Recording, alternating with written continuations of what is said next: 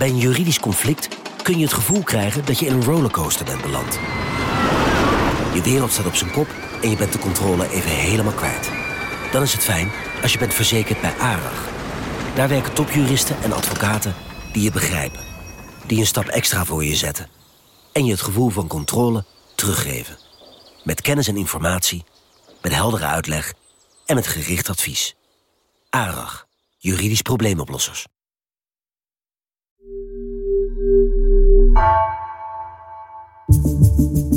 Vanaf de redactie van NRC het verhaal van vandaag. Mijn naam is Geertje Tunter.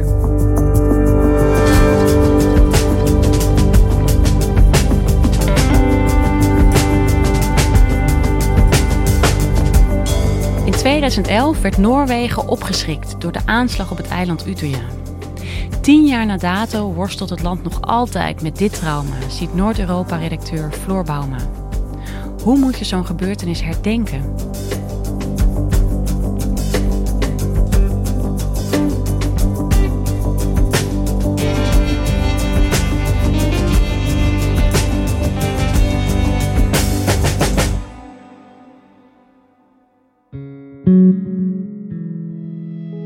Vandaag is het tien jaar geleden dat de terroristische aanslagen plaatsvonden in Noorwegen. Um, de extreemrechtse terrorist Anders Breivik uh, liet eerst een bom ontploffen in de hoofdstad bij een overheidsgebouw. En vervolgens um, ging hij naar het eiland Utøya, waar um, de jongere afdeling van de Arbeiderspartij een kamp had. En hij heeft uh, ongeveer anderhalf uur lang heeft hij op dat eiland die jongeren opgejaagd, beschoten, achterna gezeten en vermoord. En daarbij zijn uh, uiteindelijk in totaal 77 mensen om het leven gekomen. Uh, 22nd of July uh, is probably one of the one of the worst days uh, in every survivor's life. Uh, I think this week is very hard for many of us. Ik heb gesproken met Sindre Luce, dat is een 25-jarige man, overlevende van de, van de aanslagen. Uh, destijds was hij 15. Hij heeft zelf uh, moeten vluchten voor, voor Breivik. Hij heeft uh, um, zich verschuild voor Breivik. Hij heeft tientallen partijgenoten, vrienden is hij verloren... die links en rechts van hem werden doodgeschoten door de terrorist. Many you people used a lot of time to try to get their lives back. And still, 10 years after, there are people struggling a lot with getting their lives back as it was before the terror attacks. Inmiddels is hij uh, algemeen secretaris van de AUF, dus die jongere partij.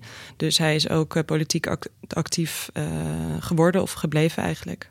Het was gericht tegen deze jongeren omdat zij um, politiek gezien um, voor immigratie waren, voor diversiteit, um, voor gelijkheid. En dat waren dingen die Breivik zag als bedreigend voor de Noorse samenleving. So 22nd of July is a very important day for everyone who were surviving uh, the attack, for the parents who lost their dearest, uh, and for also the Norwegian society who really got a reality check about how much suffer one man can also make uh, just in one day. Dit is een dag van nationale rouw voor Noorwegen. Eigenlijk de hele week zijn ze hier uh, mee bezig. Uh, en vandaag zou eigenlijk ook een monument onthuld worden. Een nationaal gedenkteken voor de overlevenden van de aanslag. Maar dat staat er nog niet. I really feel that it's what we really owe the people who were killed that day is that to never forget, always fight for their values and also uh, remind the society about what was uh, attacked that day. Het is ook een heel mooi symbolisch moment om zo'n monument te openen. Hoe kan het dat dat er nog niet is, tien jaar later? Ja, daar is een flinke strijd aan verbonden. Mm um, eigenlijk vrij snel na de aanslagen was wel duidelijk dat, dat men wilde dat er een nationaal monument zou komen. Alleen vervolgens is er jarenlang gesteggeld over hoe dat monument dan eruit moest komen te zien en waar dat moest komen te staan. En toen is het uh, plan opgezet om een monument te plaatsen bij Utøya Dat is eigenlijk de aanlegplaats van waar je naar het eiland Utøya gaat. Mm -hmm. En dat is eigenlijk de plek waar, waar de ellende is begonnen. Want daar is Breivik verkleed als politieman naar het eiland uh, gegaan. Alleen toen kwamen 16 buren die in de buurt wonen van die aanlegstijger in opstand. En die zijn een rechtszaak begonnen tegen de staat. En uiteindelijk is toen in september 2020 is de bouw ook stilgelegd. Zij wilden niet dat het monument daar kwam. En waarom was dat dan? Nou, ze zijn niet per se tegen een nationaal monument, maar ze zijn tegen een nationaal monument op deze plek. Uh, in hun hmm. buurt, in hun uh, achtertuin, zoals een overlevende het omschreef. Daar hebben ze eigenlijk verschillende argumenten voor, waarvan het belangrijkste is dat ze bang zijn voor toerisme.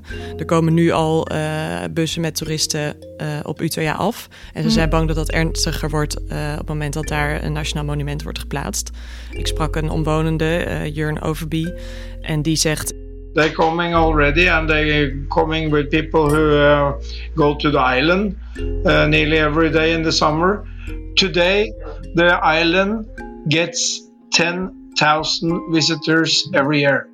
Uh, daarbij speelt ook de, de angst mee dat uh, sympathisanten van de terrorist daarheen zouden kunnen komen, omdat ze dat zien als een soort shrine voor. Ja, een bedevaartsoord. Ja. En uh, dat draagt ook bij aan het tweede argument dat de buren hebben. Uh, zij zeggen dat het voor hunzelf te confronterend is.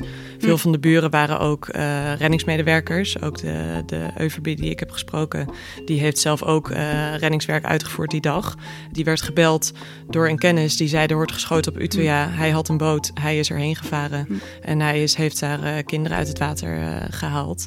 Dus zij zijn ook getraumatiseerd. En zij zeggen wij willen niet iedere dag nog een herinnering hebben aan wat er toen is gebeurd.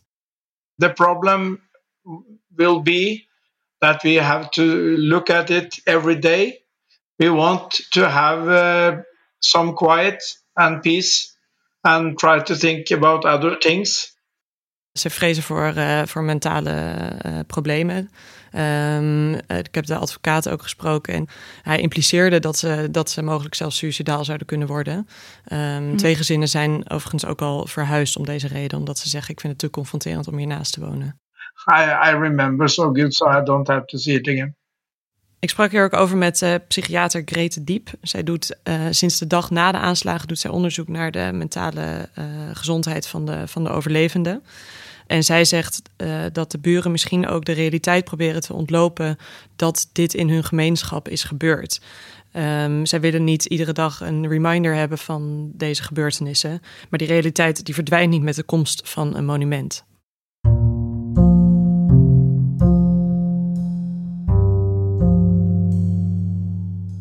Nou ja, daar kun je echt wel iets bij voorstellen. Maar aan de andere kant zei je van heel veel mensen willen deze, deze gedenkplaats juist wel heel graag. En ik kan me voorstellen dat het voor overlevenden ook heel prettig is om een plek te hebben waar zij naartoe kunnen terugkeren. Ja, dat, uh, dat is inderdaad zo. Dus je ziet dat de staat, de AUF en uh, de meeste overlevenden inderdaad voor een monument zijn op deze plek. Um, daarbij speelt ook mee dat zij zelf natuurlijk ook getraumatiseerd zijn. Uh, psychiater Grete Diep. Zij heeft gezien dat een derde van hen nu, tien jaar later, nog steeds kampt met PTSS-achtige klachten. Um, en zij zegt het plaatsen van een monument op deze plek uh, kan hun helpen, omdat het voor hun een teken is dat de natie het niet gaat vergeten. Een teken dat het, dat het herinnerd zal worden wat hun uh, overkomen is. En uh, Sindre ziet het eigenlijk ook zo. Hij zegt, je gaat het meeste effect behalen als het wordt geplaatst op de plek waar het is gebeurd. Dat is een plek waar, waar zij als nabestaanden veel gevoelens bij koesteren. Um, dus hij zegt, dat moet op die plek geplaatst worden. And for many survivors it's uh, it's hard to uh, know what to say uh, so uh, a memory place will be a nice start to bring people and start a conversation about what happened Hij vindt het ook belangrijk dat er een, uh, een plek uh, wordt aangewezen voor toekomstige generaties die niet hun eigen herinneringen hebben aan, aan de aanslagen. Dat zij daar naartoe kunnen om te leren over wat er is gebeurd. En daarbij hoort ook een stukje preventie, vindt Luce. Mm -hmm. Um, want hij zegt het is belangrijk dat we het gesprek blijven voeren over het gevaar van extreem rechts. Um, en dat zou op deze plek zou een plek kunnen zijn waar zo'n gesprek begint. A memory place is also very important when it comes to create new debates, reflection about what happened and how to avoid it in the future. Ja, want als je spreekt inderdaad over preventie, hij ziet dus dat extreem rechts nog steeds een heel groot gevaar is in de samenleving in Noorwegen. Ja, en daar heeft, hij, uh, daar heeft hij ook wel een punt. Je ziet dat er in de afgelopen tien jaar wel een aantal veranderingen zijn geweest. Überhaupt binnen het rechtsextremisme.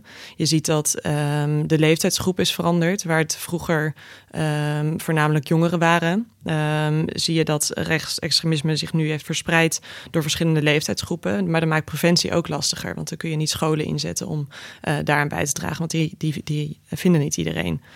Ook vindt het debat uh, meer online plaats. Dat is natuurlijk een, een meer laagdrempelige plek om uh, je ideeën te, te spuien en te delen en uh, op zoek te gaan naar de bevestiging van je eigen ideeën. En dat kan radicalisering in de hand werken.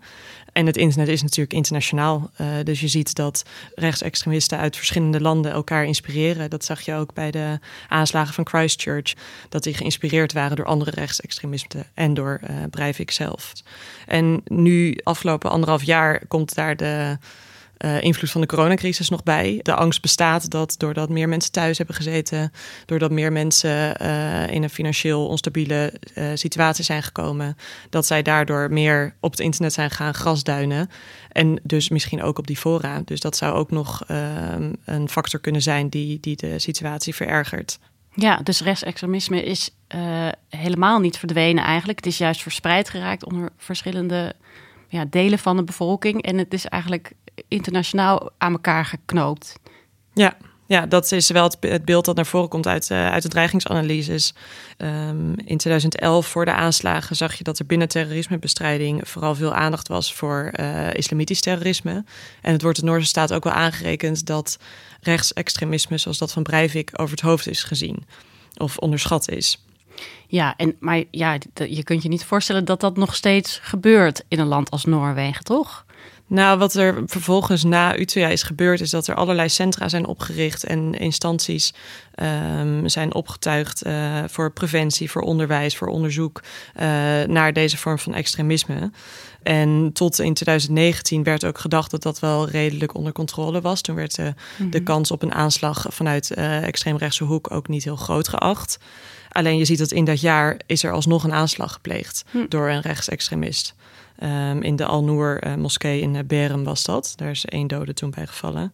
Ja, dus opnieuw eigenlijk is rechtsextremistisch geweld onderschat geweest. Ja, dat wordt, uh, dat wordt wel zo gezegd. Ja. En je ziet in het laatste uh, dreigingsanalyse, dus over 2021, daarin staat dat er een even chance is op een extreemrechtse aanslag in 2021 in Noorwegen. Dus je kunt zeggen dat tien jaar uh, na de grootste aanslagen van Noord-Europa de kans dat dat dit jaar weer gebeurt 50% is. Ja, is toch wel opvallend, vind ik, in een land dat zoiets verschrikkelijks te verstouwen heeft gekregen als Noorwegen eigenlijk, dat die voedingsbodem nog zo groot is. Ja, dat is heel uh, confronterend, vooral voor de, voor de overlevenden, voor de slachtoffers. Uh, Luce zei ook van, wij hoopten dat binnen tien jaar dat dit probleem aangepakt zou zijn, opgelost. Maar hij zegt, ja, de, we hebben nog niet de stappen genomen die we zouden willen. We are even experiencing the opposite. That we are going back and the right-wing extremist uh, environment are increasing. They are getting larger support also in the Nordics. And uh, even also out uh, in Europe, United States, and all over the world. So we have a lot of things to do as a society. En er zijn ook wel racistische sentimenten te bespeuren breder in de samenleving.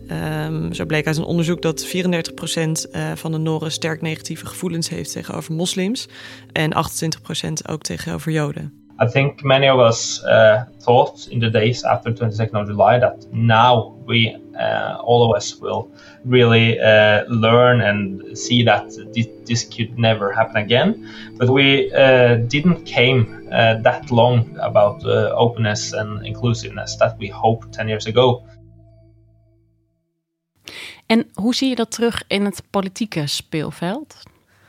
Ja, er is natuurlijk een verschil tussen mensen die uh, uiterst rechtse ideeën hebben en mensen die hè, uh, echt geradicaliseerd zijn en geweld zouden aanwenden of accepteren. Mm -hmm. uh, maar in zijn algemeenheid kun je wel zeggen dat er een verrechtsing is in de Noorse samenleving, net zoals dat er is in veel andere Noord-Europese landen.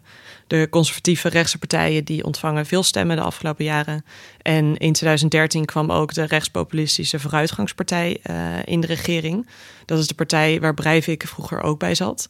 Hm. Um, de partij heeft overigens wel afstand genomen van hem. En sinds vorig jaar zitten ze niet meer in de regering. Maar uh, ze zijn de twee na grootste partij van Noorwegen. Dus dat laat zien dat ze zeker invloed hebben. Ja, dus kort na die aanslagen eigenlijk is die partij... Uh, is het gelukt om in een regering te komen. Ja, twee jaar daarna, ja. Hm. En je ziet dat de Arbeiderspartij, dus meer op de linkerflank... die heeft al een decennium niet geregeerd En nou zie je wel dat aan het einde van het jaar zijn weer verkiezingen. En nu zie je in de peilingen dat deze partij wel weer een beetje aan het stijgen is. Um, en dat wordt toegeschreven aan de stem van, van jongeren die um, willen inzetten op klimaatbeleid, maar ook wiens leeftijdsgenoten zijn getraumatiseerd door deze aanslagen en die dus een sterke stem willen tegen rechtsextremisme. En eventjes terug naar, uh, naar Utøya. Gaat dat nationale monument er nou nog komen, tien jaar na dato?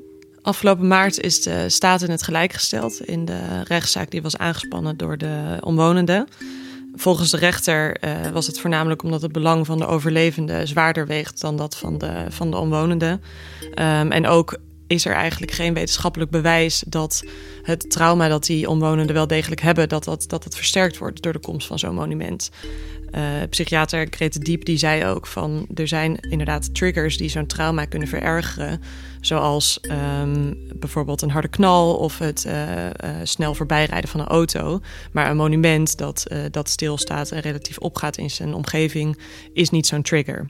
Dus nadat de bouw maandenlang heeft stilgelegen, is dat weer hervat. Um, en het plan was aanvankelijk om het deze week dus te onthullen, maar dat is niet gelukt vanwege die rechtszaken, maar ook vanwege de coronacrisis. Um, nu is het plan dat in, het, in de lente van 2022 het monument onthuld wordt. Ja, dus dan is er binnenkort eindelijk een plek waar mensen die dit dus meegemaakt hebben naartoe kunnen terugkeren. Ja, dus vanaf het voorjaar van volgend jaar kunnen zij terecht bij de, bij de aanlegstijger uh, die leidt naar Utøya. Uh, daar komen 77 bronzen pilaren te staan. Eén uh, pilaar per slachtoffer. En die staan zo geplaatst dat het zonlicht erop valt op het tijdstip dat het slachtoffer in kwestie is overleden uh, op die 22 juli 2011.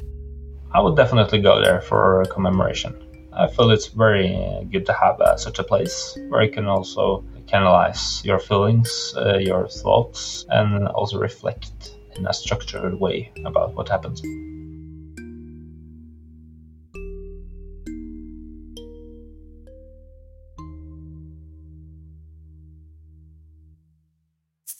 Dankjewel, Floor. Jullie bedankt. Je luisterde naar Vandaag, een podcast van NRC. Eén verhaal, elke dag.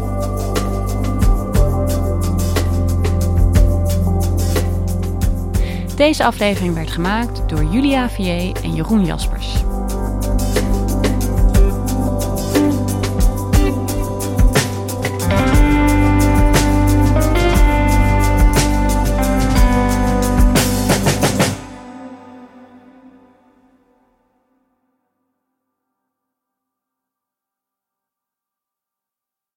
Een maatschappij waarin iedereen meedoet.